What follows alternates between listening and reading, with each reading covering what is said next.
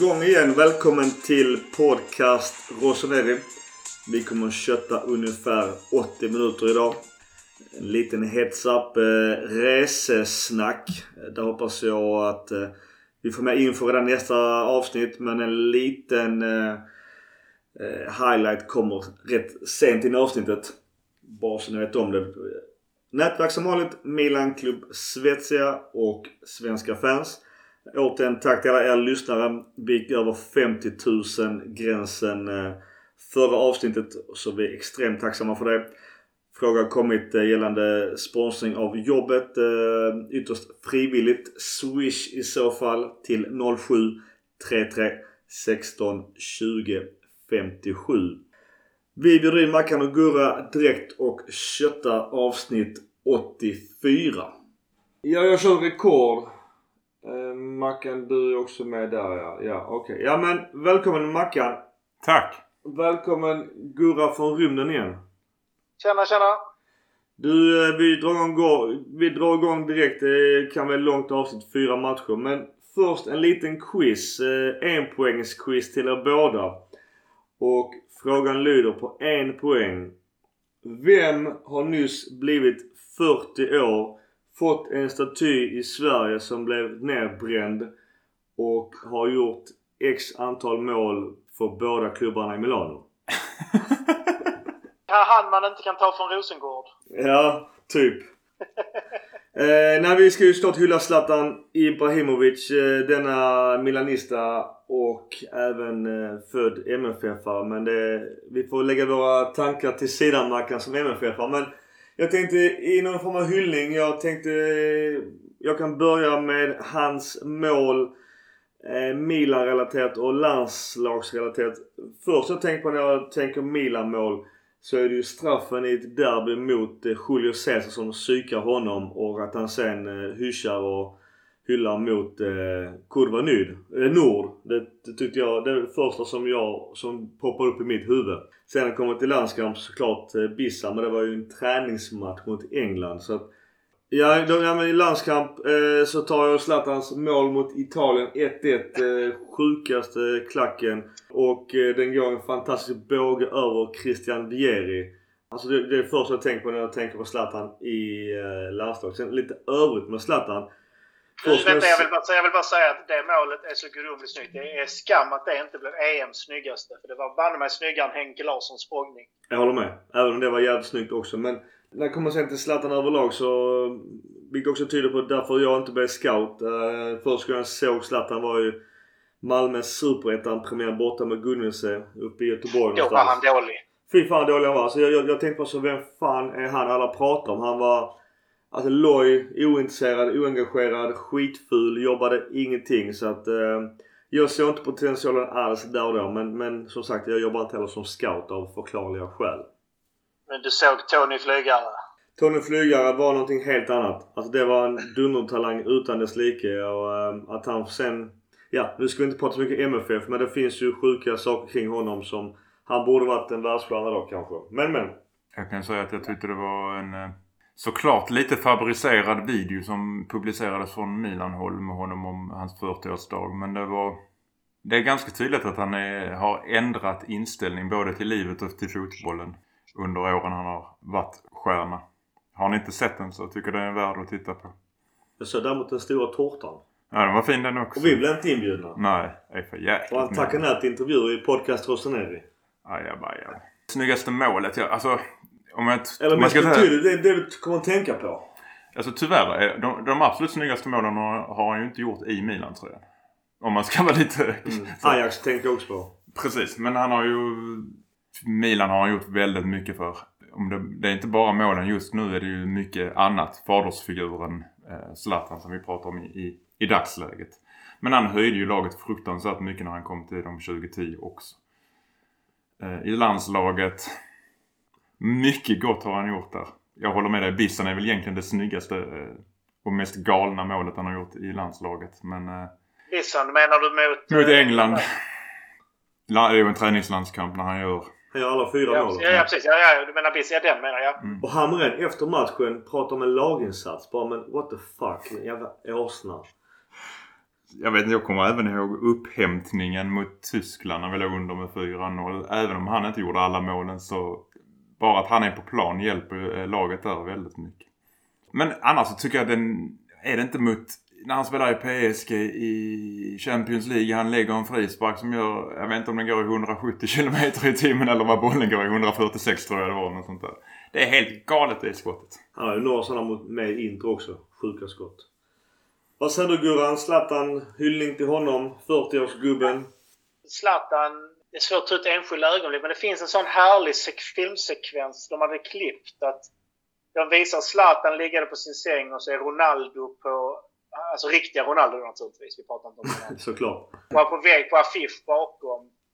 Och sen så när han står i intertröjan och möter honom och sen när de helt plötsligt då är i samma lag. Ja, den är rätt cool faktiskt. Ja, han mötte Ronaldo när Ronaldo var i Milan. Ja. R99. Ja, precis. 50% mål. Ja, men hela, alltså, hela den grejen. Fenomenet hur han, eh, hur han leder lag. Men vi har också sett i landslaget hur han tyvärr inte leder lag när han då under Hamrén och allting skulle handla om honom. Och då, då, då började det helt plötsligt inte fungera. Alltså han kan ta lite för mycket plats. Men hyllningsmässigt, hur han gör i Milan, det är fascinerande. Hur han bygger, hur han driver på. Bara när han kom in, alltså vilket lyft. Det, det är sanslöst att se. Snyggaste målet, ja alltså klacken är ju vacker, vi har bicykleten är ju vacker men det som faktiskt har satt sig mest mot mig det är mot Ungern. Det är EM-kval 2003. Då han tar bollen på kanten, drar förbi backen och smäller upp den i första krysset. Den är riktigt, riktigt vacker. Det är du och Lund. Var det inte Lund som sa att det var det snyggaste han har gjort också? Kanske, jag vet faktiskt inte. Men i så fall har han väldigt bra smak, Olof Lund. Det var en jävligt dålig match minns jag. Och Zlatan och hela Sverige var så otroligt dåliga den matchen. Vi var inte värda tre poäng. Inget lag har tre poäng i den matchen. Nej. Men den bedriften, det rycket, den... Nej, äh, det var... Det är ett sagolikt skott. Eh, vi har också varit inne på det tidigare att eh, jag vill ju tro att han höjer alla spelare 1% och förutom han själv på plan så blir det en laghöjning på 10% och det är ju helt avgörande. Så att, eh, och det är också som vi har pratat om tidigare att det här med stats, det är sånt som inte syns när han tar mikrofonen i spelarbussen innan Atalanta-matchen. Eh, vad han säger till spelare på plan och alltså, all den här karisman och pondus han har. Det är inget som man kan mäta i, i statistik men det är så jävla avgörande så att jag vill gärna se att han har någon roll i Milan efter sin karriär när han väl lägger skorna på hyllan. Han öppnar ju för det i intervjun. Ja. Vem vill inte jobba för Milan sa han. Han trivs ju sjukt bra Milano. Men vill vi ha honom som tränare eller vill vi ha honom som någon annan roll i klubben? Jag undrar jag är lite tveksam till honom som tränare men alltså som eh, kanske sportchefsbiten på upplärning hos Maldini eller lägga honom på någon annan ledarroll. Jag tror det är där han ska vara. Jag vill jag ser han faktiskt på tränarbänken. Inte som såklart head coach men någon, någon roll på bänken just att han kan stå där och, och skrika. Sen är väl alltid risken att han kanske tar över rollen från en head coach. Att jag förstår det problemet men jag vill ha honom i ett omklädningsrum. Jag tror han kan elda upp spelare så in i helvete innan och under match. Vi lämnar Zlatan och går över till våra matcher. Vi har några ja, matcher. Vi kan väl eh, gratulera Theo Hernandez som också fyller år idag. Ja. När vi spelar in. Och uttagen i landslaget Uttagen igen. i landslaget, ja. Vi vänder över bladet till Juventus borta. Absolut. Absolut. Absolut. Absolut. Juventus borta med eh, Allegri, vår gamla Milan-tränare. Som kör en 4-4-2 variant. Vi kör vår 4-2-3-1. Doveri dömer inför 18 785. Morata gör mål. Jag, jag tänkte så, fan vad kul att han startar för han är som målbommare. Men han, eh, efter en jävligt dålig hörna från oss, så gör han ett eh, solorädmål. Och jag är jätteförvånad att inte just Theo som förlorade idag, att han hann ifatt honom utan boll. Det är ju Theo Hernandez som gör ett misstag i, i eh, när han får returen på hörnan. Försöker ju göra det bra såklart. Han försöker nicka fram den igen men den hamnar hos Morat. För att vara Theo Hernandez är jag jäkligt glad att han inte drar ner honom. För det skulle han mycket väl kunna ha gjort sparkat honom bakifrån i... Jag bara väntade på Ja. Så det är jag ändå glad att han inte drog till med det. Vad säger du Gurra om målet? Minns du det? Det smått, jag, jag vet inte, det kändes slarv. Vi borde gjort det bättre, lite den känslan jag har. Mm. Men alltså att han får den ytan. Alltså Hernandez är ju på och, eh, han är på med handen och känner på honom men han drar ju inte riktigt. Vilket vi nu ska vara glada över. Vi kan väl tillägga där att vi börjar ju, men vi, vi har inte pratat om uppställning, men vi har ingen ordinarie högerback. Hernandez ska ju inte ha den positionen där. Det brukar alltid Calabria ta. Ja, det blir ett hål defensivt. Ja. ja, men det är ju Hernandez mål. Det kommer vi inte fram till. Den slarvnicken och sen kommer han helt fel i vinkel när han ska skära av det. Majan kan ju inte göra någonting. Killen kommer fri. Han kan chippa över den. Det är rent slarv helt enkelt. Bara hoppa in att vi gör eh, byten redan i eh, 36 minuten där tyvärr Kjär går ut och då får vi ju naturlig högerback i Kalulu.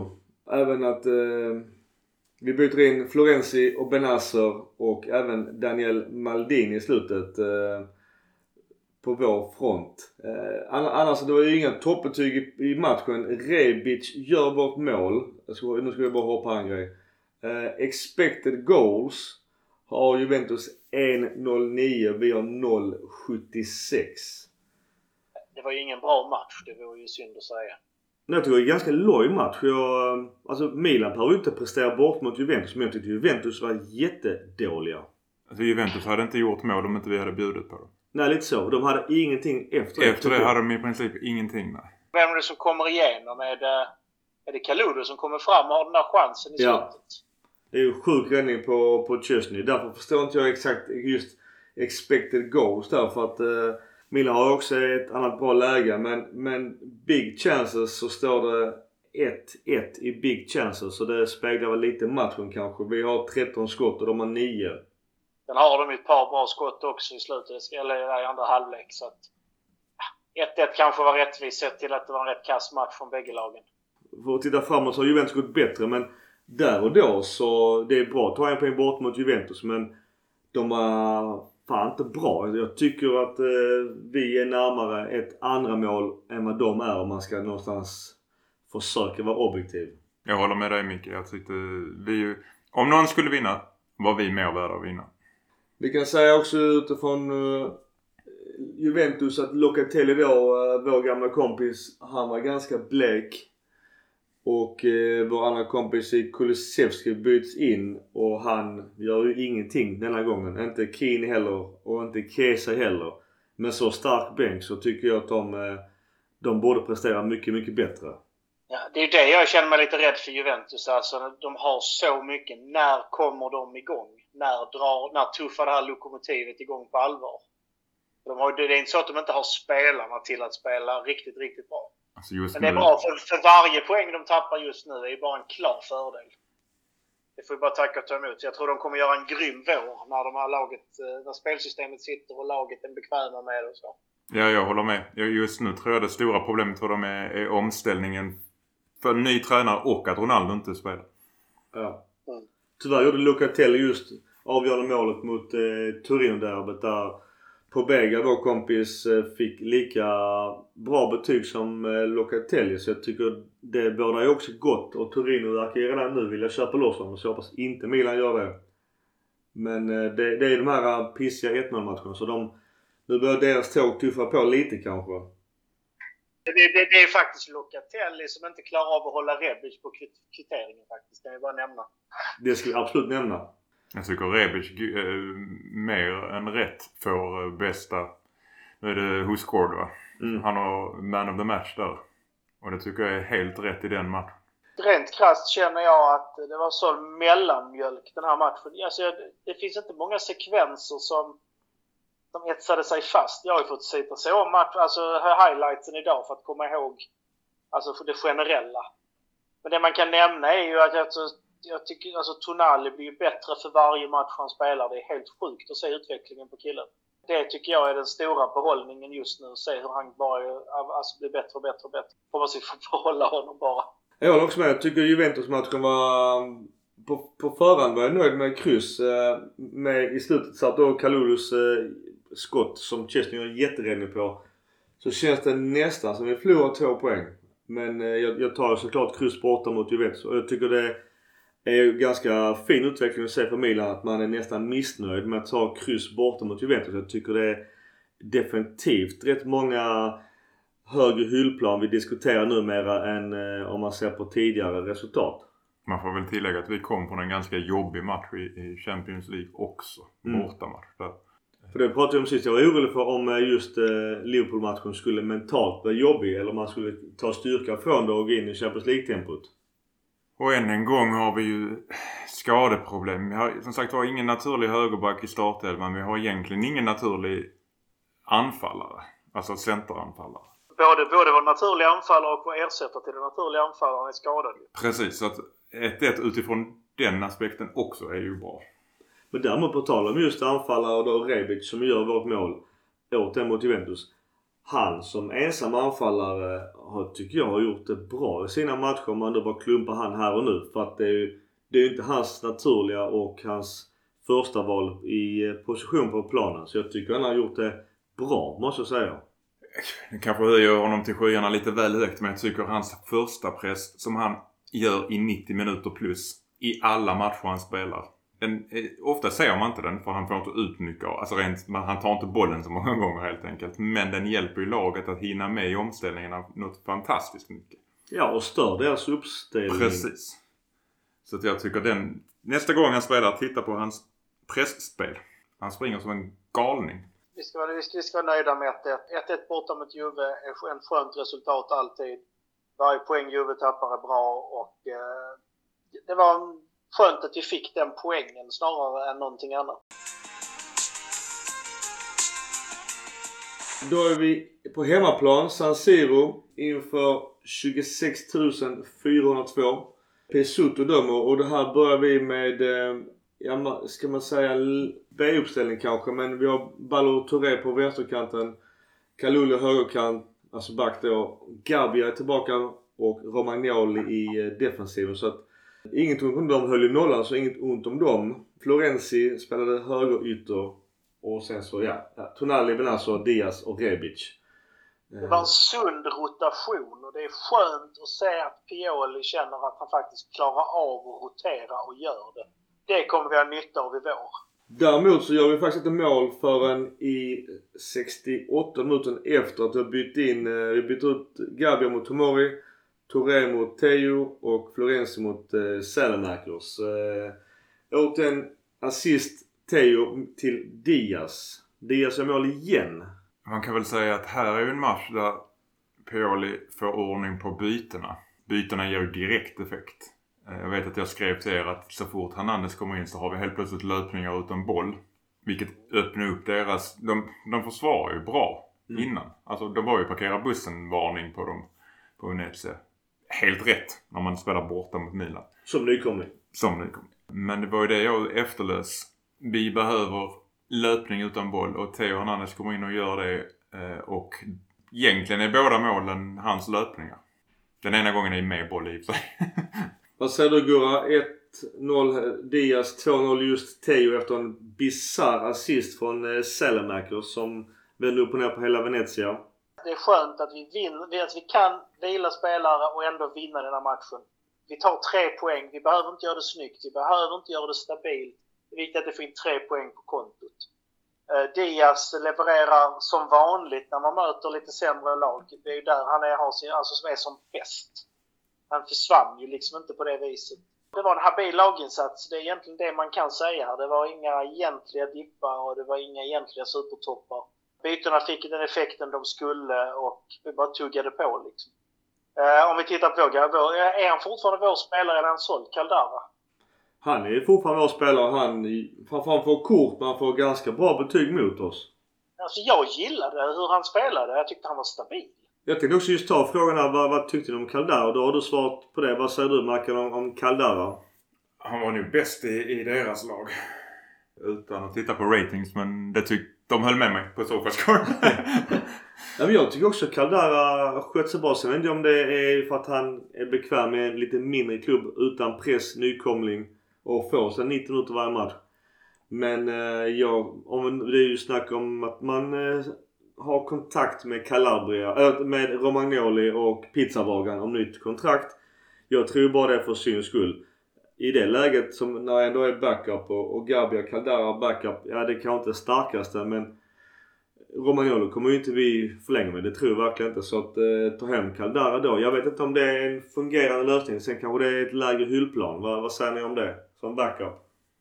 Jag tycker det är jäkligt svårt att göra en utvärdering på Caldara när man knappt har sett honom spela varken för Milan eller för Atalanta. Venezia. Ja men han var utlånad till. Atalanta förra. Alltså, och Venezia har han ju spelat i men det är som du säger det är en mindre klubb. Det är, det är lätt att, att, att skina där. Kan han visa den här säsongen att han klarar av att spela utan att bli skadad och han håller en, en bra nivå för att vara en, en bottenklubb så tycker jag absolut vi ska tillbaka, ha, tillbaka, ha tillbaka honom. Om inte, kanske inte som etta, tvåa men i alla fall trea, fyra.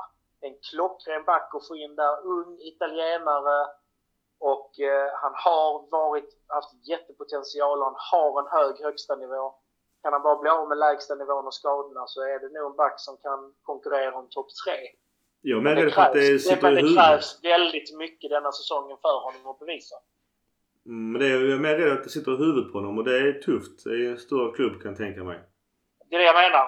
Spela 90% av alla matcher den här säsongen. Håll dig skadefri, leverera bra, var en toppback i den här klubben i Venezia. Då kan, man, då kan han nog komma ta steget och komma tillbaka. Men du går annars, eh, på, på tal om ung italienare. Pellegri byts in och eh, det är ju en ganska stor tank som gick som ung till Monaco för stora pengar. är Tillbaks nu. Jag vet inte om han är mycket bättre än vår Colombo som öser mål i spall. Men har du någonting att säga om honom? Jag har inte fått grepp om det jag har sett av honom. Han har ju alla förutsättningar för att kunna dominera men jag tycker han, han hit, har inte hittat sina löpvägar än. Så säger nu, han är en stor jäkla centertang. Men eh, han tar inte för sig. Han, han behöver tid, han behöver matcher, han behöver förtroende. Frågan är om vi har den tiden. Han kommer att få starta alla cupmatcher. Ja, för min, min poäng är någonstans att när man ser Colombo som får speltid och det är ju skönt och rätt. Men han, han gör ju jättebra från sig i spall och jag hoppas bara inte att eh, Milan dumpar just Colombo i någon framtida deal för att hålla i Pellegri. För då tycker jag att Colombo är, ja jag ska inte säga bättre val men eh, jag vet inte. Alltså jag, jag, jag tycker inte att Milan ska lägga massa pengar på Pellegri om inte han verkligen visar framfötterna när vi har en egen Colombo som brinner för klubben från vår egen Primavera. Nej, men det ska, vi ska inte glömma att Pellegri är ju en mer naturlig striker än vad Rebic är till exempel. Det, den Absolut. får vi inte komma ifrån. Nej, absolut. Han, problemet är väl att han inte har varit matchfit. Kort om just uh, matchen så är det expected goals är alltid halvt intressant. 1,80 har vi, de har 0,66. Jag är lite osäker på deras 0,66 när det skulle ägt rum att de hade någon farlighet. De hade en big chance mot oss jag minns inte den. Men 67% bollinnehav för Milan. Nu säger jag inte mer. Nej precis, precis. Ja men vi lämnar Venezia. Det var som vi sa enkla tre poäng efter lite byte i andra halvlek där Pioli gjorde bra byte helt enkelt. Och då vänder vi över till eh, Spezia på Alberto Pico. Och den matchen var ju den som jag outade som vår sämsta förra säsongen. Så därför blev det extra skönt att vi vinner med 2-1 mot Spezia. Eh, ännu mer att deras tränare är en gammal interspelare, Thiago Motta, i, i deras 4-1-4-1. Deras mål är ju en skänk från ovan. Det är väl självmål det stod på stackars Romagnoli. Om jag inte minns helt fel. Enligt Tomori. Ja, Där tar någon i vår backlinje. Tar någon i vår ja, backlinje. de, de, hade, de hade faktiskt ingenting. Expected goals hade de 1.06 faktiskt. Ändå vi hade 1.44 eller 45. Ja, vad säger du om Spezia Gurra? Vi vinner med 2-1. Ja, alltså vad kan man säga? Det var återigen en dag på jobbet. Alltså vi, det är skönt ändå mot de här bottenlagen att vi, vi behöver inte förta oss. Vi gör vad vi ska. Nu blev det lite plump i protokollet att de lyckades snubbla in ett mål. Men det kändes aldrig hotat på något sätt. Alltså det kändes rätt säkert att vi skulle vinna denna hela matchen. Och sen naturligtvis skitkul att Lill-Maldini fick göra mål. Ja, han gör mål i 48 assist Kalulu men jag var ändå lite halvbitter för det som du sa, det kändes sjukt kontrollerat. Så gör ändå de 1-1 i 80 och jag tänkte så fuck! Tappade två poäng. Men då, eh, vi byter in Diaz för Kessie. Kessie, eh, ja. Och då gör Diaz 2-1. I mål igen för Diaz. Han har nästan gjort lika många mål redan som under hela förra säsongen. Åsikter om, om Diaz, bytena. Vi byter in då eh, Calabria för Kalulu och Diaz som sagt. Och dessförinnan har vi bytt ut Oliver Giroud mot Pellegrini igen och bytt ut Rebic mot Leao. Ska vi, ska vi bara först bara nämna vårt 1-0 Det är Lille Maldini som gör ett eh, jävligt snyggt nickmål. Ganska robust nickmål. Schysst eh, inlägg av eh, Kalulu. Ja. Och pappa För en gångs skull. Ja. För han brukar ha lite svårt med inlägg. Och pappa Inlägg- jublar ju som Inlägget är ju aldrig förr. behållningen. Inlägget är ju behållningen liksom. Målet är att, att nicka in den där. Det, det bör man göra som fotbollsspelare när man får den serveringen. Ja, det är ganska svagt försvarsspel ska jag säga. Så- Jag vet inte om Sälemakers håller med dig i matchen mot Atalanta. ja precis. Kanske och nog, för sig. det säger nog mer om Sellemark. Ja, det var det jag menade. Eller vad är det? Vad är det Russell och, som står i Atalanta som gjorde det jävligt bra. Men ja, vi tar Atalanta sen. Vi highlightar i alla fall lille Daniel Maldini. Det är ju ändå jävligt stort att han ändå alltså, får chansen. Och jag, jag någonstans måste säga att jag tycker inte att han gör bort sig på något sätt. Nu är det visst, det är Spezia, det är någonstans bottenlag. Men han gör det ju bra tycker jag. Jag tycker också han gör det bra. Jag tycker än en gång att Pioli gör rätt i att ändra om lite i, i startelvan. Vila spelare men att Giro fick starta tycker jag är rätt också för han hade kommit tillbaka från skada. Nej, jag tycker Malin, det är ju kul att Maldini gör mål. Det är kul att han börjar få chansen och som ni ser, jag brukar säga att han, när spelare som Leao har ju växt till sig, men Maldini börjar, han börjar ju faktiskt se vuxen ut nu. På planen, både fysiskt och hur han rör sig och att han faktiskt börjar få blick för spelet. Jag menar, visst inlägget är kanske behållningen på målet, men att ta den löpningen, att forcera fram. Han är ändå, han är ändå i duell med backen så att det, det, det krävs ju ändå lite muskler för att hålla emot. Det var roligt att se. Och som, som vi var inne på, att Pioli vågar rotera, att han känner emot i de här matcherna måste vi ge vissa spelare två på vissa positioner chansen och det får de och det, det ger ju effekt. Vi vinner, vi gör vårt jobb, vi tar inte ut oss och det är det man måste göra mot de sämre lagen för att kunna gå all in mot de tunga lagen. Skitbra. Pioli växer i mina ögon som coach för varje match jag ser detta och det är imponerande. En annan som växer eh, i mina ögon det är ju Leao. Jag var lite osäker på, som jag sa i, i vårt sommaravsnitt eh, när vi gjorde transferbygget, var fan vi ska placera honom. Men han är ju jävligt duktig just nu som vänsterytter. Han hade också ett i virket. Eh, vi hade ju väldigt många i virket förra året och vi har väl redan haft en två, tre detta, denna säsongen. Men Leao tycker jag eh, verkligen stuvade stuvar dem ordentligt i matchen och, och var jävligt jobbig att möta. Det är ju mycket han som också ligger bakom Diaz mål. Sen gör Diaz en jävligt snygg avslut mellan benen på målvakten. I Suet som annars hade en ganska bra afton. Men det var ju som vi pratade om i somras, alltså vi pratade om det tidigare också. Använder man Leao rätt så är det en riktigt bra spelare. Men sätter man honom på någon target player-roll eller något sånt, då bara försvinner han. Ja. Och framförallt denna säsongen nu när han faktiskt börjar visa en helt annan inställning. Han visar psyke, han visar vilja, han forcerar fram och så han säkert lagt på sig 10 kilo muskler i sommar. Han är, han är, han är en urkraft där han drar fram där. Men en skön utveckling. Glad att vi inte sålde honom.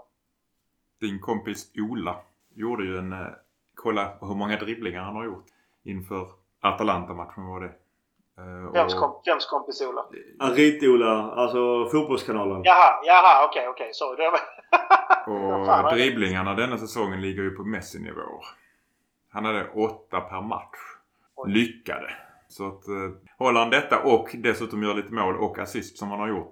Vi kommer, det kommer bli svårt kanske att behålla honom för det kommer komma bud på honom. Det var nog tur att vi behöll honom. Om vi nu tvunget ska sälja honom så är det väl bra om han ökar i värde i så fall. På tal om ökad värde, han har även fått en uppkallelse till eh, landslaget, A-landslaget i Portugal. Vilket såklart även spär på dels eh, hans bekräftelse och även då eventuella transfersiffror. Men jag hoppas ju att han stannar om vi spelar och som jag gör nu så kan han göra hur mycket bra som helst för Milan. Går vi in, ska vi gå in lite på transfer och Leao så vet jag inte om ni har läst vad pappa Hage skrev om varför sonen såldes. Väldigt ö- ödmjuk. Väldigt ödmjukt och förmodligen helt rätt Ja. analys. Nej, jag, har missat, jag har missat den så den får du gärna berätta. Han fick en fråga på Twitter tror jag det var. Om han kunde komma med sanningen varför vi sålde Haug.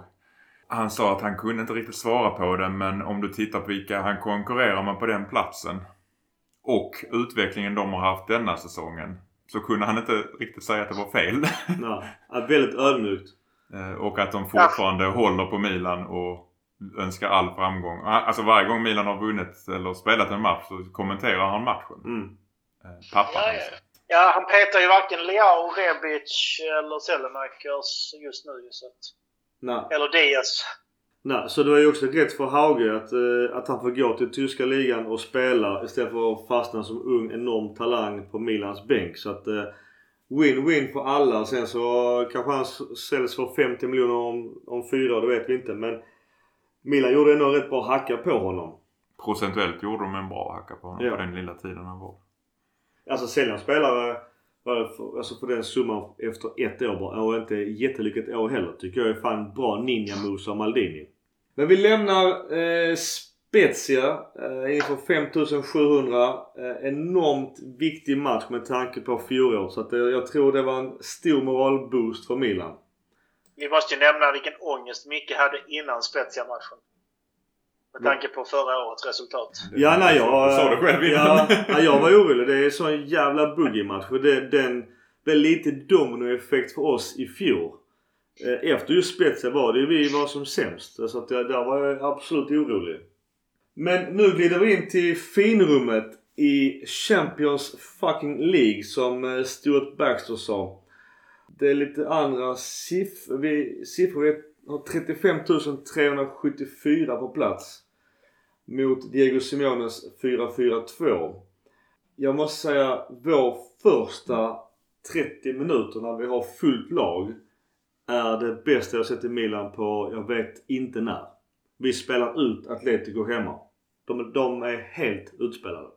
Så den matchen blir liksom lite i, i, i två delar, eller egentligen tre om man tar eh, första 30, sen resterande 60 och sen så övertiden på 10 minuter. Så att jag vet inte, ska vi, vi börjar beta av första 30 när vi spelar guld och gröna skogar. Va, vad säger du Gurra om, om då vår första 30? Ja, det var härligt att se. Det var flöde, det var initiativ, det var direkta, raka passningar. Det rullades upp, det vanns bollar. Alltså det, det är inte mycket att säga egentligen. Att förutom att eh, vi kanske skulle gjort ett eller två mål till. Igen. Ja. Det är det vi får ta med oss där. Alltså att, vi, att vi kan prestera det spelet lovar ju enormt. Även om vi inte fick med oss den här matchen i slutändan. Att spela så bra Ja. som vi gjorde de första 30 minuterna mot La Liga-mästarna och ett lag som har spelat i Champions League-final, semifinal, kvartsfinal de senaste åren. Det är inte dåligt. Det är riktigt, riktigt bra. Jag trodde faktiskt inte på att vi, att, jag trodde inte att vi kunde spela så bra. Om jag ska vara helt ärlig. Jätteglad blev jag.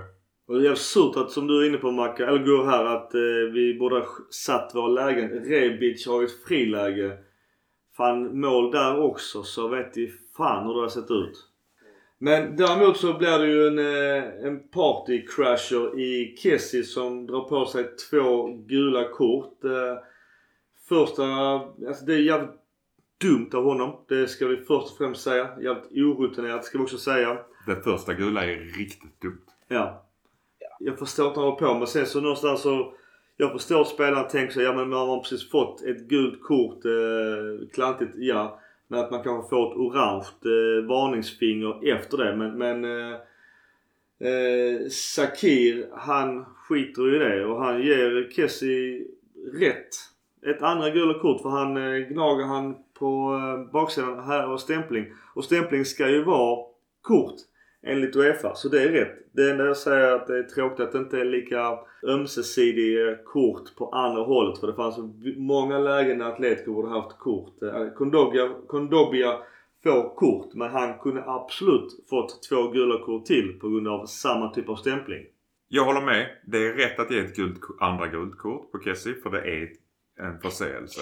Men det blir ett orättvist gult kort på grund av, och jag kan ta bara, det, det otaliga exempel, men det mest tydliga är en ultrastämpling på Tonali som inte ens blir frispark. Den är sjuk. Så därför blir det felaktigt. För att det är orättvist, tycker jag. Det är inte konsekvent bedömt. Nej. Och där tycker jag ju att domaren tappar det helt utifrån den aspekten att han är, han dömer inte konsekvent. När det gäller de förseelserna. vi ska bara nämna också att det är ju Leao som gör vårt mål eh, innan dess. Så det är, ja.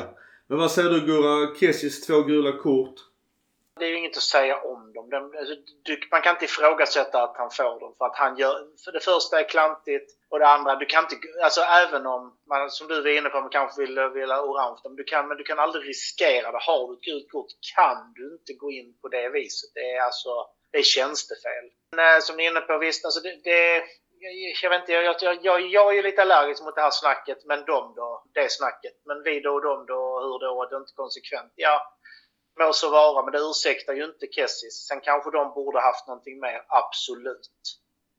Eh, men vi får ta ansvar för vad vi själva har gjort och Kessie gjorde bort sig. Det får, vi inte, det får vi aldrig glömma. Det är alltid tufft att bedöma fysiskt spel och få det millimeterrättvist. Tyvärr. Ja, det, jag har ju sagt det förr. Jag vet att det kommer inte hända. Men jag, jag tycker eh, även om det är rätt och svårt att inte ge kort på förseelse. Men jag tycker att man borde haft en VAR när det kommer till kort nummer två. Bara för sakens skull. För att det kan bli så extremt matchavgörande. Vilket också blev i det här fallet. Från då att vi hade dem i parterrläge. Så hamnade vi själv i brygga. Eh, vilket blev jävligt jobbigt med tanke på kvaliteten Atletico sitter inne med. Och även då sen bänken de byter in. Ja, vi ska komma ihåg två saker. Ett, VAR hade bekräftat Kessis andra gula kort. Det är jag 99,9% säker på. Och, och sen, sen är det faktiskt som så att om den här stämplingen på Tonali hade varit, att det hade funnits ett rött kort i den, då ska VAR gå in och säga till domaren. Uh, och så att, för de, de kollar ju på de här bedömningarna om de har missat uppenbara, uppenbart våldsamt spel. Kollar faktiskt VAR på. Vi får inte glömma det att även om vi inte vet om det så görs det ju VAR-koll på alla de här vansinnessituationerna som dyker upp. Ja, vi kan ta baren eh, sen för det kommer en VAR-situation till sen. Men jag tänker resterande 60 minuter, det är lite avgörande för att de byter in ganska sjuka spelare som i Joao Felix. Kostade över en miljard. De köpte, eller byter in De Paul som vi också jagade som kostade ungefär 400 miljoner kronor. Lodi, eh, Griezmann också miljardkille. Eh, Thomas Lemar. Så att, ja, Lemar, Lemar var ju bara 780 miljoner. Ja exakt. Så att det, det de byter in i runda slängar ungefär 3 miljarder. Eh, och det blir ju jävligt jobbigt för oss att någonstans stå emot. Vi byter in då Giroud. Tyvärr så blev det inte så att Giroud orkade eller lyckades hålla i bollen som var såklart tanken. Men, men det, det blev för tufft. Eh, alltså, det var ju jävligt tufft att möta Jiménez och Felipe. De gjorde det ju jävligt bra. Han fick ju inte särskilt mycket hjälp. Om vi ska vara lite så. Alltså jag, jag förstår bytet. Jag efterlöste själv i vår interna chatt att eh, nu måste vi nog ha någon som kan hålla bollen till oss. Men han får ju absolut ingen hjälp för hela laget i övrigt är backar. Så det är ju ingenting, ingen som hjälper honom alls. Han har ingen att passa alls. När han väl får boll. Och uppenbarligen är han ju inte kry nog. För han är ju dessutom skadad igen efter denna matchen. De gör eh, sitt mål i 84 minuten. Jag ska bara säga också att i uh, expected goals har de 2 och 14. Så att, uh, och totalt har de 22 skott mot våra 7. Så att det blev ju ganska felvinkling i, i matchen. Däremot big chances har vi vars en big chance. Så att uh, statistiken där, det blev väldigt såklart skevt med tanke på det röda kort som är, är ju helt avgörande. Men jag måste ändå någonstans uh, slänga en jävla massa skit på vår uh, lagkapten. Och jag var med och pratade Milan Club Svezias eftersnack. Och det var du här nu senast Gurra mot Atalanta. Så det, det är ett kul inslag. Men där, där kräkte jag mig lite. Det är ju svårt och, och dumt kanske att ha en ett samtal direkt efter match. Så att en sån här match såklart Men Romagnolis insats vid 1-1 är katastrof. Alltså han står verkligen ja, det... och tittar på Griezmann. Ja den är skamlig. Först så tittar han bara boll, skiter i spelaren. När han upptäcker spelaren så tittar han på honom och tycker att nej, jag vågar inte gå in där så Griezmann har fritt, fritt utrymme. Kolla på hans, hans huvudrörelser och kroppsspråk. Det är alltså Ja, det är sorgligt att se. I övrigt tyckte jag att Romagnoli skötte sig jättebra. Utifrån hur matchen utvecklade sig. Ja. På något sätt måste man ändå kunna... Jag vet inte, vi sitter här och kritiserar Romagnoli för ett misstag i en match där jag tycker att domaren gör 15 misstag. Mm. då måste man få kritisera domaren också. Domaren, vi ska ta domaren eh, i var två. Ja, jag vet. Men jag vill bara poängtera detta väldigt noga. att Får man kritisera spelarna för misstag måste man få kritisera domarna för misstag. Alltså det har du sagt Är det roligt? Skit ska vara skit. Det roliga är att diskussionen brukar gå åt andra hållet. Att det är alltid okej att diskutera do- kritisera domarna men eh, man får inte kritisera spelarna. Jag Jag tycker måste säga det, att vi det, kritiserar alltid våra spelare i, i den här. Ja, ja, ja. Ja. ja, ja. Och jag, jag, jag, jag håller med dig Mackan, så det är inte det. Det är, det är ingen argument emot. Utan jag är helt med. Alltså som Micke är inne på, skit ska skit ha. Bara man lägger fokus på rätt saker. Det är det jag vill. Men du har helt rätt med Magnoli. Gör mycket bra saker också. Sen så är han ju nästan, jag vill inte säga direkt ansvarig, men han är högst, högst delaktig i deras mål. Agerandet där är inte bra. Men utöver det så gjorde han ju en stabil match. Vi ska höja mer än bara 30 minuterna för att just Romagnoli, fine. Eh, Tomori eh, som också gör en fantastisk insats men Benazer tror jag nästan är värd sina 50 miljoner det snackas om en klausul på för hans insats mot Atletico tror jag fick många ögon på sig. Han var fantastisk. Nu byts han i sig ut i 82 och de gör mål också i 84 så att eh, nu säger inte jag att det, att det hänger ihop för att han var jävligt trött men dessförinnan i 81 minuter krigar ju Benazer så in i helvetes bra. Ja, det gjorde han. Nästan gamla Benazzo igen kändes det som. Han var ju tvungen att ta ett extremt defensivt ansvar efter, efter Kessis andra gula såklart. Men ni inser varför det inte är den gamla Benazzo som är tillbaka va? Därför att vi har Tonali. Eller? Nej, nej, nej. nej, nej, nej. Han fick ju inget gult kort. Ja. Han spelade 81 minuter utan att bli varnad, så det är inte riktigt den gamla Benazzo. Men han har ju sagt det själv att han skulle tvätta bort dem för att nå världseliten så att han är ju på gång. Å andra sidan så fick väl alla andra mina spelare gult kort. Eh, däremot så går vi in i fas 3 i matchen och... Ska vi inte påpeka eh, eh, Leaos cykelspark? Jo, oj, förlåt. Eh, klart. Åh, ja. Alltså fy. Ja, det är hemskt. Det är hemskt, Synd att alltså- det går i ribban. Så här, det, det är synd att det går i ribban. Men på något sätt är det tur för han blir avblåst för offside när det inte är offside. Men Mm. där hade väl VAR gått in och sagt att det är okej om det hade gått in i mål hoppas jag. Men däremot, eh, Ja. det görs ett bilder som menar på att det är väldigt tveksam offside. Nu blev det inte mål ändå. Nej, det är det Men jag menar. Jag tror inte att det var offside. Nej, jag tror inte Så att jag tror om det hade blivit mål hade nog VAR granskat det och sagt att nej det var inte offside, det är mål. Det är bara spekulationer, men alltså, vi vet ju att i alla fall på offside-bedömningarna så ser ju... Där, där handlar det om millimeter. Det, det kan vi knappt se med blotta ögat ibland. Nej, det kan vi hoppa in också nu att det finns ju på eh, kommande prov i italienska ungdomsligor att eh, göra om offside-regeln. Eh, det är ju mycket diskussion kring det. England och med flera har lite tjockare linjer, eh, vilket också är bra. Men att eh, jag kommer inte exakt ihåg vad det var om att du skulle ha till och med kanske luft. i- Jag vet inte, alltså det, det var, de ska göra om offside-regeln på prov i alla fall. Så det var intressant att se. För det är ju mycket diskussioner just kring offside. Och nu blir det, det blir ju tyvärr mycket fokus på domarna. Med, ja, tjocka streck, smala streck etc. Och det, det är ju det alla vill komma ifrån såklart. Men den här, den här är rätt märklig. Vi har, vi, har två, vi har i princip två regler, eller förutom inkast, vi har tre regler i fotboll som är helt svarta eller vita. Det, eller det är boll över linjen, över linje, inte över linje, mål, icke mål och ligger man nedanför eller inte. Det är de tre sakerna som är de absoluta. Det finns ingen tolkning, det finns ingen förhandling. Antingen är man offside eller så är man inte offside. Antingen är det inkast eller inte. Det är absoluter att rubba på absoluterna. Jag vet inte om jag gillar det faktiskt. För jag tror det kan bli... Eh, helt plötsligt har vi något, något annat. En godtycklighet även i de sakerna. Ja men det har hänt förr. Minns ju när vi var kids och spelade fotboll. Då fick man inte ens stå i linje. Då var man offside. Nej. Ja, ja, ja. Men, nu, alltså, jo, jo, men, men då, då, nu har man ändrat till att påverka. Det kan jag köpa. Men att, men att säga att ja, han, är, han är bara lite offside så det är okej. Eh, jag vet inte. Jag gillar inte tänket. Nej, jag, jag förstår Offside, din offside är offside. Mål är mål. Utöver för linjen är utöver linjen. Men ja, vi får se hur, hur det spelas ut. Det, det finns i alla fall eh, kommande Säg det till Montari! ja, ja precis. Men det var innan VAR. Ja, jag Innan vet, jag vet, jag vet. Fan hade vi... Ja, det, det glömmer vi aldrig som sagt. Men däremot, vi har ju eh, en del tre här i matchen och det är det som händer på eh, stopptid. Och där har ju spelats upp och det har varit mycket kommentarer. Allt från eh, Saki till Capello etc. etc. Shakir eller Sekir. Jag vet inte om Shakir hur han uttalar det själv. Men han har ju varit på luppen såklart för att eventuellt stängas av. Nu blir han inte avstängd ska sägas. Han dömer dessutom Tyskland, Rumänien. Eh, så lycka till till dem. Däremot har VAR-domaren, sa du Mackan, blivit avstängd? Han har blivit utbytt ur eh, domarteamet.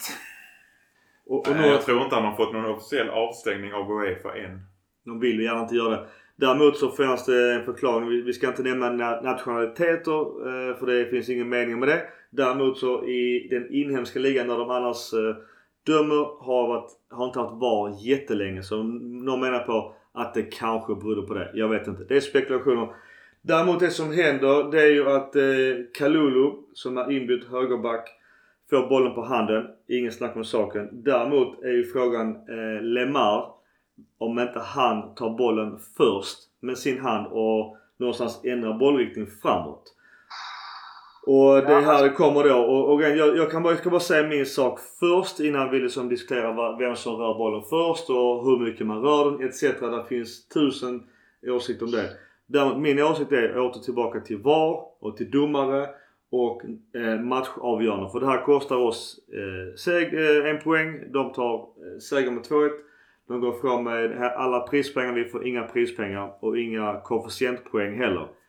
Om det tar upp mot 2-3 minuter för VAR att fastställa bu eller bä. Då måste man fria. Jag tycker någonstans för att det ska vara rätt och riktigt var ni får 15-20 sekunder max. Om inte man kan se på 15-20 sekunder om det är svart eller vitt. Då får man välja att fria. Det är min bestämda åsikt. Problemet är ju att att man tittar på den situationen. Jag fick sitta och lustitta eh, med flera olika vinklar för att se. Och det enda jag kan alltså se där jag kan ana att LeMar är på bollen med handen. För att det syns inte tydligt. Det är att bollen ändrar märkligt riktning och då kan man göra tolkningen att Ja, han är på den med handen.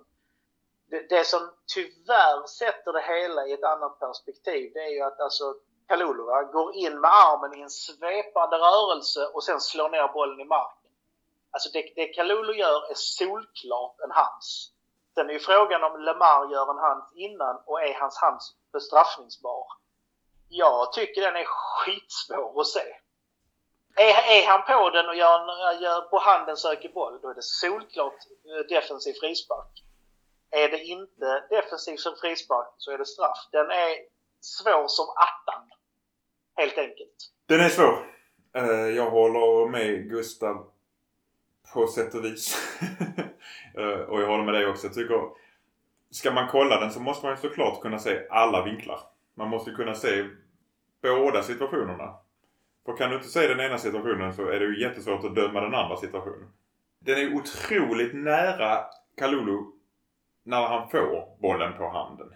Och om han då får den ändrad riktning från en annans hand så tycker jag det kan vara svårt där också att avgöra om man verkligen... Håller du inte igen Mackan? Nej, men jag försöker inte bli arg här. ja, men du, du får vara hur arg du vill. Jag är arg för att jag tycker... Vi har tappat 10 miljoner på att vi tappar poängen. Ja, men jag tycker, jag tycker inte det är straff.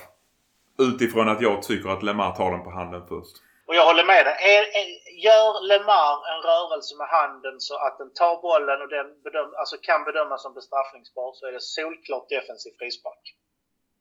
Men jag sagt, jag kan, jag kan inte säga 110 att det är någonting. Jag kan däremot säga att är det inte en Lemar-hand så är det en solklar straff. Ja men det finns faktiskt bilder som faktiskt visar att det är han som tar dem först. Eh, och det är lite det också kritikerna har gått ut och sagt och det är också därför just den här vardomaren har blivit eh, sidosteppad. Sen är det också fullt att Lemar såklart eh, i Diegos skola, han slutar spela och bara skriker och viftar som fan på, på domaren. Så han, någonstans, det blev väldigt så otillåten påverkan såklart. Sen nu, nu kommer jag så med så ful argument men någonstans känner jag så att Eftersom domarna redan har påverkat eh, matchens utgång även om Kessie gjorde bort sig fullständigt och har varit ganska svag dessförinnan också i spelmässigt.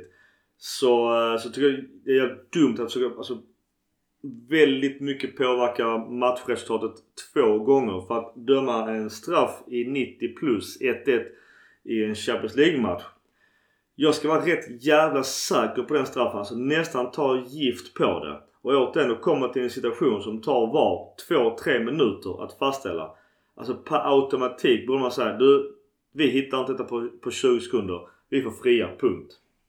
Jag, jag tycker, för att summa summarum, jag tycker straffen är fel. Och jag tycker det är fel på flera olika sätt. Och det säger jag inte bara för att jag håller på Milan och Milan spelar och, och, och blir drabbad av det. Får jag ställa en fråga då Micke? Vilken situation är det de ska fria? Den offensiva Hansen eller den defensiva Hansen? De, Om- kanske om kom fram, kan- då, de kanske kom fram till efter tre minuter att det inte var någon offensiv hands. Då har du den defensiva kvar som är rätt solklar.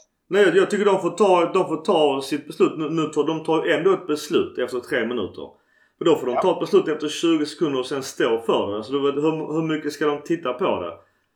Tänk dig det här innan VAR. Då hade kanske domaren blåst, gått på straffpunkten och sen hade det inte varit något tjafs. Eller så hade han viftat eller blåst defensiv frispark och sen sprungit därifrån och då hade det inte funnits någonting. Nu har vi i alla fall en domare till som tittar på det och det, det är den tryggheten jag känner lite grann. Sen kanske det blir fel. Ja, Ja men jag, jag, någonstans- blir detta en falsk trygghet. För att nu har vi gubbar i varummet som knappt behöver klä skott och står och gör en bedömning som är helt avgörande. Vi förlorar koefficientpoängen, vi förlorar 10 miljoner i, i prispengar. Och kanske någonstans hade moraliskt sett blivit en supertung förlust. Och vi har ju nästan, det blir väldigt svårt att gå vidare från gruppen i alla fall. 1-2 blir ju väldigt svårt med noll poäng på två matcher. Även om det är hedersamma förluster så betyder inte det ett piss i protokollet. Någonstans så tycker jag att för att VAR ska... Alltså att VAR måste rättfärdiga de besluten de tar. Då måste man få se bilderna. De tagit beslut på. Jag har Ja. efterlyst detta tidigare för jag tycker det är jätteviktigt att förklara varför jag tar det beslutet jag gör. För annars kommer de här spekulationerna. Annars kommer jag sitta här och vara förbannad på domaren. Ibland blir det ju väldigt godtyckligt. Nej men jag, jag fick den känslan. Men på vad då? Du Och- kan muta en VAR-domare. Absolut. Alltså utan... Ja. Nu är vi i Italien så att Ja. vi får vara lite konspiratoriska Gustav. Men du kan muta en VAR-domare. du kan muta en huvuddomare, du kan muta en spelare. Du kan Precis, muta en, absolut. Det är eh, det jag menar. Därför tycker jag det är när du har videobilder som du granskar för att ta domslut på. Skicka ut de bilderna så att vi vet vad ni har tagit domslutet efter. Jag har hört snack om att det ska komma, när, när VAR blir mer etablerat och det sitter, att det då ska finnas en funktion där de lägger upp vad de har baserat på. det. Jag vet att det förs diskussioner om det. Jag vet ju också att domare från södra Europa motverkar detta, bland annat de italienska domarna. Ja, Eh, för, då här kan, för då kan de inte här- bli, bli mutade. Den här transparensen eh, och också handlar det om status tror jag. För att de är ju de är inte jätteglada för VAR och eh, att någon annan ska ta beslut. Usch, det är jobbigt det här vet, att de inte själva får vara herre på herre på täppan. Men jag vet att det förs diskussioner i alla fall och det är nog det vi ska ta med oss. Jag tror vi är där om 5-10 år när VAR har satt sig, det har blivit en vardag. Då vardag. Eh, då kanske det kommer eh, det här också. Jag tycker någonstans att det måste vara rätt skönt som domare att veta att ja, men jag behöver inte stå efter matchen och klä skott. Eller som, nu blev det några gula kort. Jag tror till och med Mike som är ganska lugn annars fick ju gult kort eh, på eh, den här situationen. Och eh, slippa liksom stå där med, med, med bära allt ansvar själv. Bara, nej, men vi gör så rätt vi kan och vi visar också den här bilden. Så då någonstans kan vi, då kan vi tre sitta och tänka så. Ja men fine, handen upp. Vi kör på det. Vi såg den här bedömningen och vi såg de tog den bilden. Eh, sen återigen vet man inte heller som vi- också pratat om flera gånger. En, en fryst bild kontra en eh, rörlig sekvens är ju jävligt stor skillnad. Alltså i synnerhet när det kommer till tacklingar såklart.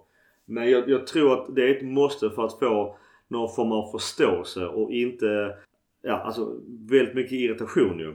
Ja, alltså man, man såg ju själv, jag, nu gillar jag ju Rebic som fan. Jag tycker han är en skithärlig snubbe. Förutom att han går runt och skriker en massa könsord. Men hans, hans agerande mot domaren efter Kessis när han, eh, på tal om stillbilder, man ser att han springer och jagar honom och nästan vill pryla honom. Jag visste, det, det får man ju såklart inte göra men det är en jävligt rolig bildsekvens. Jag, jag kan tänka mig att domarna vill avgöra matcher. Alltså det, det, då är man ju helt fel ute om man, om man vill det.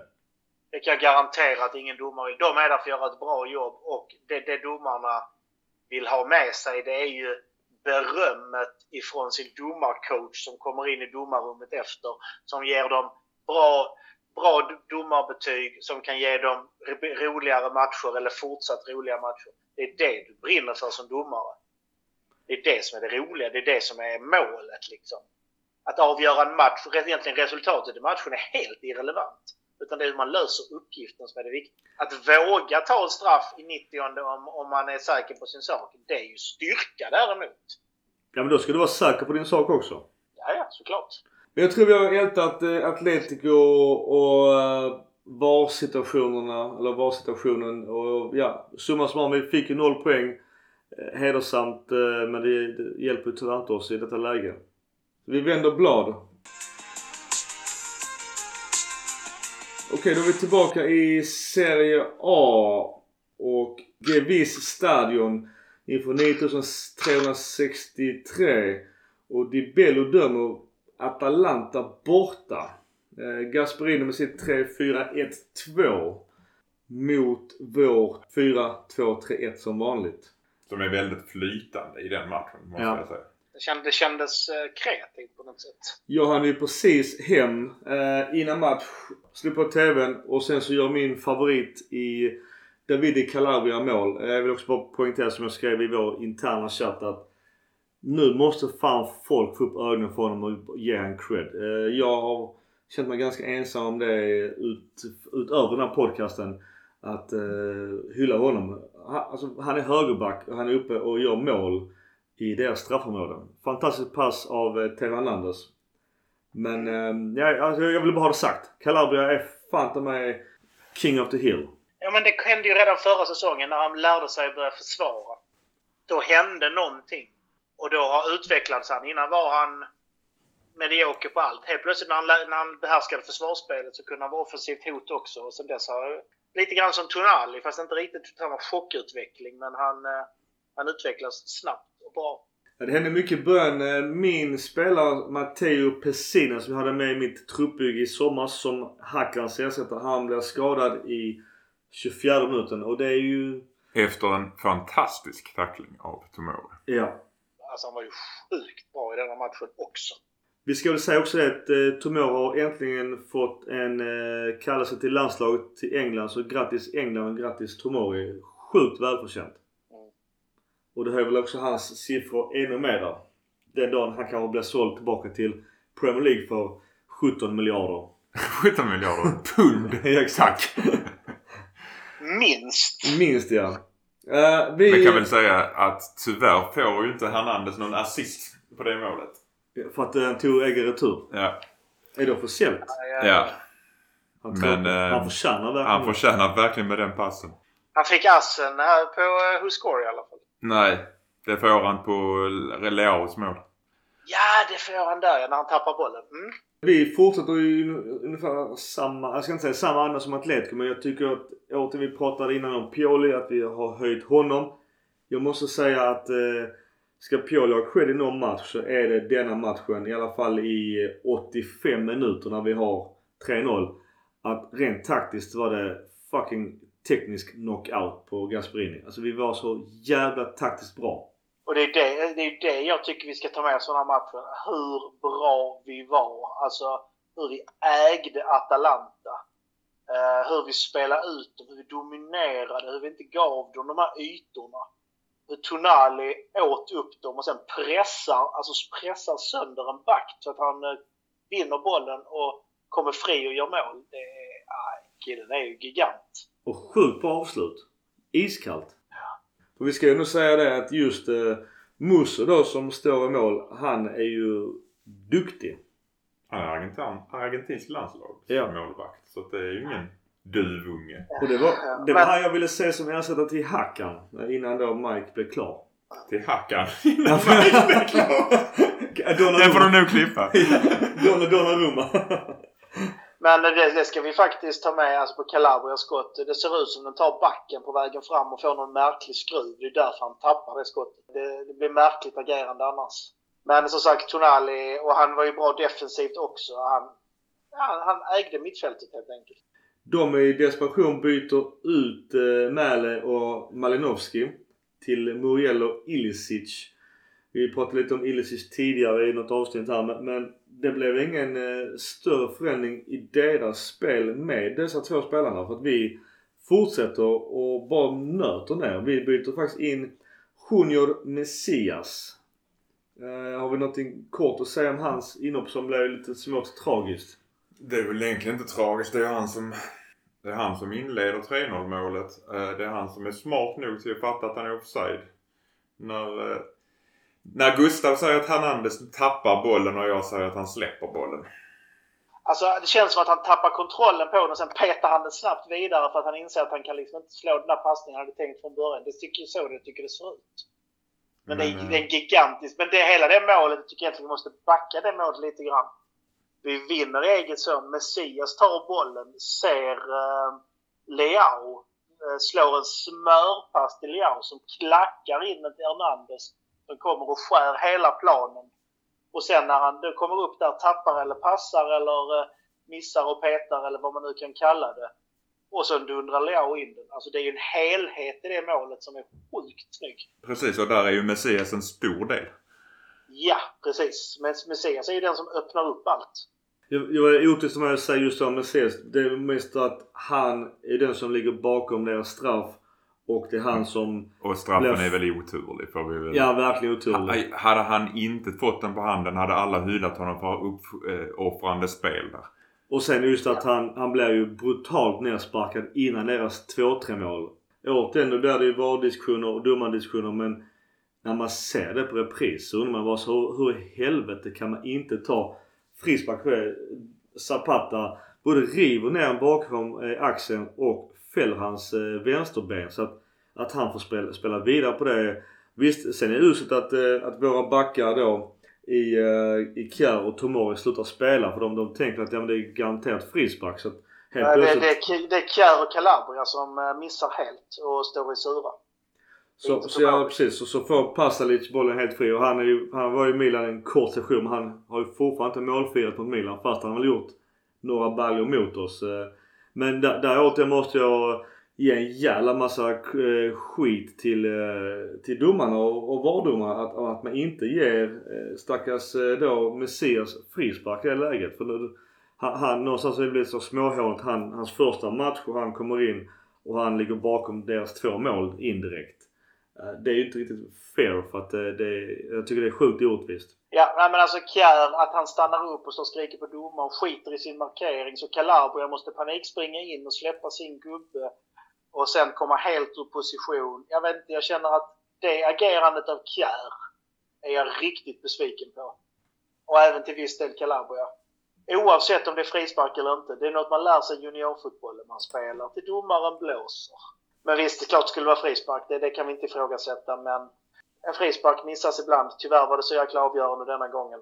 Ja men där, där, där, kollar, kollar man inte VAR där då, Gustav? Du som kan det här. Nej, det ska du inte göra för det är en frispark. Domaren bedömer, är så nära, ser ut att ha sett situationen och gjort en bedömning. Det är ingen utvisning och det är inte den situationen som är direkt, ja, direkt mål utan det är i och med att de får vända upp, slå en passning. Alltså situation, den situationen är överspelad. Så nej, det där är som vilken frispark som helst rent krasst regelmässigt. Då tycker, jag, tycker jag än mer att VAR ska ändra reglementet där. För det, det, det är en annan diskussion och det säger jag inte emot dig. Nej, alltså jag, jag, säger, jag tycker bara att det blir felaktigt. För det är en situation som leder till mål. Det är helt avgörande. Jag, där har jag återigen säger vad jag har sagt eh, nästan varje avsnitt att eh, ha någon form av challenge. Bara så att vi tar en challenge på den för den är avgörande. Och sen får man kanske två, tre per match bara så det handlar om ett mål, ett rött kort eller bara en vanlig pissig frispark som indirekt ställer omspelet till deras mål. Så att, eh, men det, ja, så det finns ju mycket att jobba på i VAR. Eh, men då, vi har eh, ren stats och så har ju faktiskt Atalanta bättre stats än oss. Både expected goals 2.37, vi har 2.12. Tycker det låter eh, märkligt faktiskt. Jag tycker vi hade faktiskt full koll på matchen i 85 minuter. Sen är det sen kan vi inte komma ifrån den här matchen lite grann som, eh, jag vet jag och Mackan snackade om det eh, innan, att det märks att vi saknar en renodlad striker. Jag tror med en renodlad striker hade vi gjort fler mål denna matchen för att Vi hade ingen som utmanade deras backlinje, låg och fiskade, tvingade dem att tänka djupt. Utan Rebic är ju en ytter som har flyttats in i plan. Men visst, vi saknar en anfallare. Ja absolut. Och ändå har Rebic gjort jobbet bättre den här säsongen än han gjorde förra säsongen. Absolut, absolut. Jag lägger ingen skuld på Rebic. Han är bara... Tyckte han stångade ganska bra och sög in många bollar jämfört med vad man nästan kan kräva av honom. Vi byter in eh, Pellegri igen. Och det är ju jävligt otacksamt att få de här eh, 5-15 minuterna i slutet varje gång han byts in. Så det är svårt för honom att visa framfötterna också. Men eh, jag vet inte. Vi har ju ingen stor uppköpsklausul på honom. Men, men jag vet inte fan om... Ja vi får ta det sen i, långt bort i sommar. Men just nu visar han ju faktiskt ingenting som tyder på att vi ska behålla honom. Jag tror han spelar en cupmatch från start alldeles snart. Ja. Eller, eller någon annan eh, mot, något, mot ett bottenlag i ligan för att han ska få känna på miljön och visa att han faktiskt inte bara är en uh, utfyllnadsspelare. Det är därför han matchas in försiktigt nu för att sen kunna få en hel match och göra ett bra resultat. Just matchen, eh, som sagt innan 85 så var det ju bara hejdrop stort men, men Tonali är ju fantastisk. Han blev uppkallad till landslaget eh, på grund av skadan. Men sen blev nerkallad till U21 igen. För då, där får han sina 90 minuter och blir ledande spelare istället för att kanske sitta på bänken i, i, uh, i Italien som spelar just nu. Mackan, sa du vad, vad var resultaten live just nu? 2-0 till Spanien. Bonucci rött kort. Två gula. Och förmodligen är Donnarumma lite i, tagen på bänken där. Eller just det, han får ju inte sitta på bänken. inte i landslaget i alla fall. För uh, det var väl rätt så mycket burop. Det fanns ju en banderoll eh, som de flesta har sett just eh, lite onödigt kanske från Kurva Syd till Donnarumma att han, han är mer eller mindre piss och inte välkommen tillbaks till Milano och Milan. Eh, jag kan tycka att det är lite dumt för att skulle han inte vilja vara i PSG så är det ju dumt att sätta han på Juventus startelva. vi, vi behöver inte heller, vi behöver inte heller trycka en dit där för att vi är bittra på honom. Så att eh, de är mer långsinta än vad jag är till och med. Alltså jag tycker det är så synd. Vi har en kille som, som är från stan, älskar klubben, född och uppvuxen i klubben. Han har fått lite dålig coaching, absolut. Men att, att han inte skulle gilla Milan, det är ju rena skämtet. Han älskar ju klubben och allt han gör på, påpekar, alltså visar på det. Förutom att han litar lite för mycket på Raiola och låter honom ta besluten. Det som jag säger, jag tror det ska bli intressant när han går i pension och skriver sin självbiografi hur mycket har han haft att säga till om och hur mycket har Reola haft att säga till om? Den vill jag veta. Kanske Någonting sekretess livet ut. Någonting stämmer inte. Om Atalanta, vi har varit inne på det, Tonali man of the match. Eh, Diaz tycker jag gör en bra match igen. Jag tycker Kessie eh, faktiskt första matchen han är riktigt bra denna säsongen. Så att eh, jag hoppas att Ja, hans agent är ju lite troll. Nu verkar de här kontraktsförhandlingarna vara helt eh, strandade tyvärr. Om man ska tro media. Vad, vad ska vi göra med? Det är ju en ständig titta eller lyssnarfråga vi får. Det senaste är ju att agenten kräver, kräver pengar för att skriva ett nytt kontrakt och det är det som är den stora stötestenen. Det, det tycker jag är ganska sjukt. Varför ska klubben betala agentens arvode? Det, det är väl spelaren som anlitar agenten och ska ja. betala det. Och det är inte bara i detta alltså, fallet, det är generellt. Ja. Det, Nej, men jag, jag, tror, jag tror Milan är bra där att de har alltså, sett den här foten med för vi ska ju inte alltså, köpa vår egen spelare lite likt de andra två tidigare sommar så att eh, där agenterna vill ha en jävla massa pengar. Jag, jag tycker det är ett regelverk som jag har sagt det så många gånger förr. Men det måste ju stävjas. Att, att en agent kan ju inte mer eller mindre eh, undanhålla en spelares egna vilja nästan. Det känns som ibland för att om inte de får sina pengar de vill ha då, då får ju som jag sagt, ja men spelaren då får du ge dem från ditt kontrakt i så fall. Så jag, jag säger som så här, vi har ett kontrakt med honom säsongen ut. Så spelar han bra, visar att han vill, han eh, levererar. Då, då kan vi bara, om man vill han hedra sitt kontrakt säsong, alltså säsongen ut, då ska vi absolut respektera det. Sen så önskvärt att skriva nytt, absolut. Håller agenten på så här så är det ju det är mest synd om honom och alltså klubben. Alltså det är ju, Kessie tjänar ju inte på det, att han inte har någon stabilitet. Men det vore ju vansinne att inte utnyttja en så bra spelare om han faktiskt visar att han vill hedra kontrakt. Ja. Det är alltså samma sak i somras liksom. Att Men om du får välja, får välja eh, Gustav. Mm. Sälja i januari om han inte har förlängt kontraktet. Om det finns någon som vill betala för honom då. Den är jag lite tveeggad till. Ja, det är klart det är bra att casha in. Men kan vi ersätta en sån bra spelare med de pengar vi får? Vi kanske behöver honom i ett titelrace, i ett, eh, en vidare omgång i Champions League, Europa League. Där du faktiskt får rankingpoäng och pengar och hela den biten. Det är om det dyker upp något superbt på marknaden som vi kan, som vi kan få motsvarande kvalitet på. Men jag tror vi behöver den kvaliteten i ruschen. Så att nej, jag är tveksam. Jag bara kommer med en superspekulation för att jag har läst såklart alla rykten man läser. Att Manchester United är lite intresserade av Kessie. Det är precis den spelaren typen de behöver så jag är inte förvånad. Exakt. Och nu har ju sig Diaz gått jävligt bra för Milan. Men min gamla favorit i Donny van den Beek funkar inte alls i Manchester. Och då tänker jag bara så ett rakt byte i januari kanske. Då är vi uppe på de där lönerna som Kessis agent vill ha men eh, inte vi klubben inte vill ge. Vi tittar också på en spelare som i så fall ska gå in och ersätta Diaz eller Tonali och det där behöver vi inte byta. Eh, Ska vi göra ett sånt byte då ska vi få in en defensiv stabil spelare i så fall. Så att nej, det... Nej. Nej, en volley från, från ingenstans. Sen är det ju en, sen, sen är det en kvalitetshöjning jämfört med Diaz. Men vi kommer tappa den defensiva eh, kvaliteten. Om inte Tonali Benazzo kan lösa det. Men då har vi ingen bredd förutom Bakayoko som ersätter... Alltså, det blir skevt i hela lagbygget. Tyvärr. tar hem på Bega i januari. Ja, alltså det finns ju också rykten att vi ska avbryta utlåningen av eh, På Bega. nej, ja, Adil. Ja just det ja. Från Ja, Bordeaux. ja, ja. Att vi, vi köpte ju honom och lånade ut honom ett år direkt. Och om vi får ett bud på Kessie så kan vi bryta det, den utlåningen.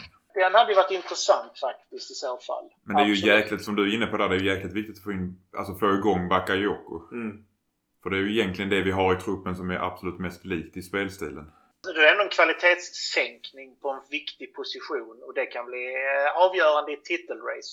Och det är mer pengar i ett titelrace och ett eh, alltså slutspel i CL eller EL än vad det är att få in pengar i handen för Kessie. Så att, mm, Jag kör på det lite som vi sist att vi behöll ju Donnarumma för att någonstans ta Champions League-platsen. Nu kanske vi behåller Kessie för att kanske nå ja, till och med en, eh, en ligatitel. Det, det finns faktiskt rätt många etablerade profiler. Casano, Capello, Sacchi med flera som har sagt att Milan är absolut en eh, titelkandidat. Jag tror inte Napoli kommer ju förr eller senare tappa poäng. De har, bara, de har ju inte mött jättestarka lag, inklusive Juventus.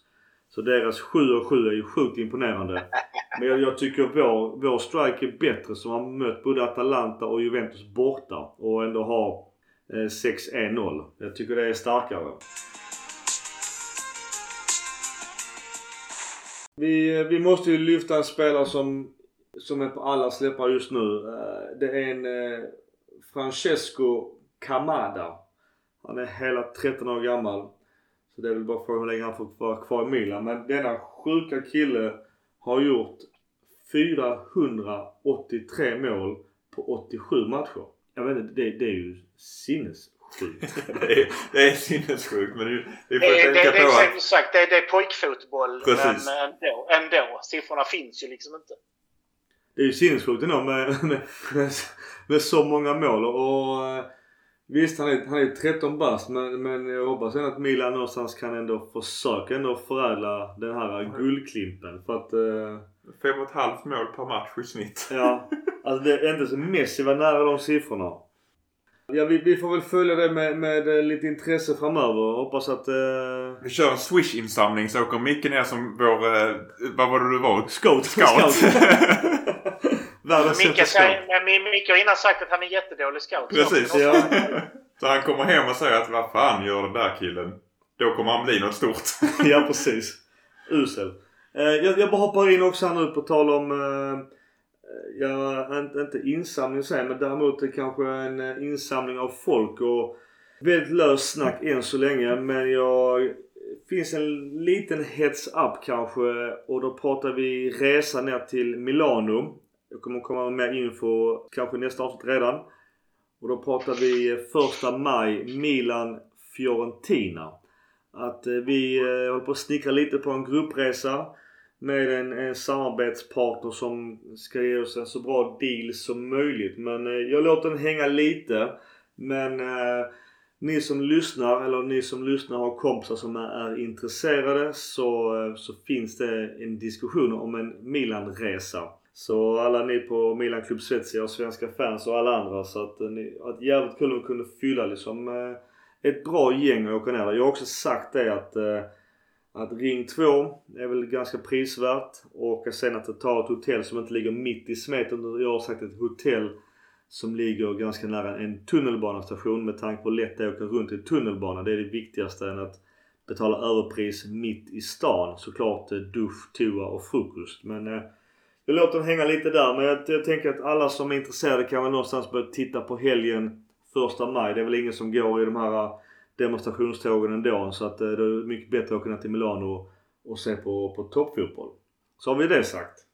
Annars sist på agendan eh, har vi eh, lite om, om arena. Det börjar ju närma sig höll jag på att säga. Kanske efter ett par 10-15 år vi har pratat om att, att köpa en ny arena eller bygga ny arena. Och då har förslaget från Populus vunnit deras arkitektur och den av de två var den som var lite mer fyrkantig utifrån. Precis. Den är väl, alltså det är väl... Om jag har förstått det så är den godkänd i en av, alltså av staden Milano. Jag är inte helt säker på det. Eh, jag tycker att vi verkligen behöver en ny stadion. För jag tror att det är vägen framåt. Och lite tanke likt Spurs nya arena i eh, norra London. På insidan i alla fall. Precis. Samma arkitekturfirma som har ritat. Och på tal om stadion och resa. Ja, de, eh, nu, nu har de sett hur bra det går för Sverige så nu vill de också öppna upp. Men de vågar inte ta steget hela vägen för de är inte riktigt lika bra. Så de går till 75% beläggning snart. Eller nej, de har faktiskt fått okej okay att göra det. Så att 75% beläggning är okej okay på arenorna i Italien framöver.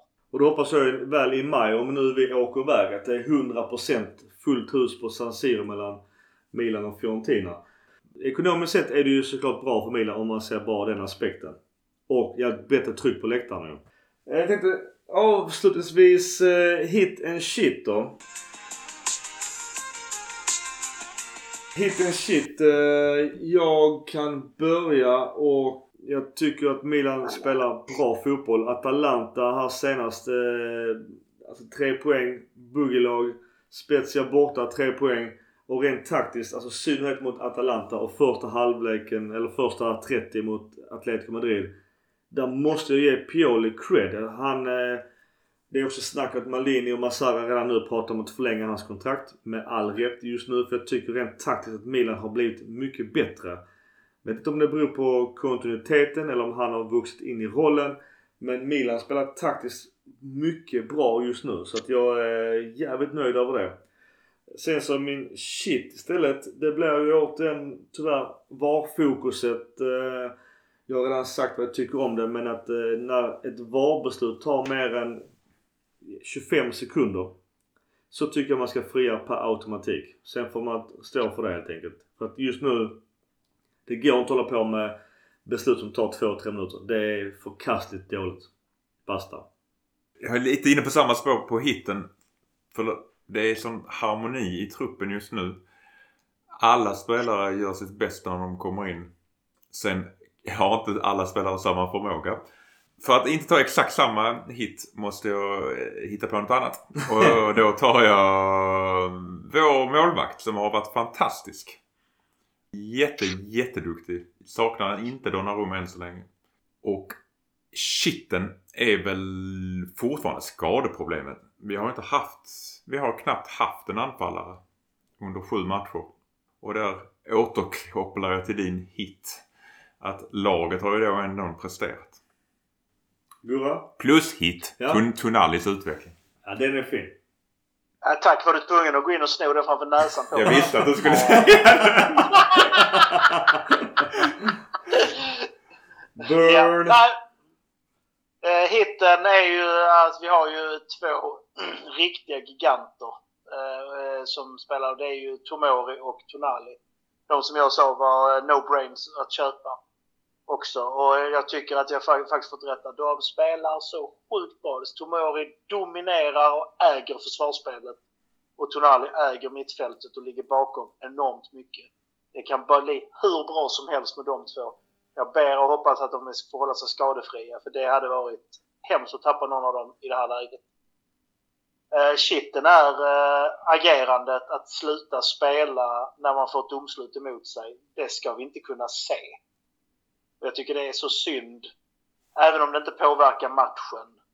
Men eh, bara det inte händer i matcher då det är tajtare. Hade det stått 2-2 där hade det ju varit förödande till exempel. Men överlag, vi ska vara sjukt nöjda med hur vi spelar, hur vi uppträder, hur Pioli coachar laget, spelarutveckling, eh, bytena, hur de faktiskt genomförs. Så att, ja, men det känns som en bra säsong hittills och det lovar mycket gott. Forza Milan! Forza Milan. Forza Milan.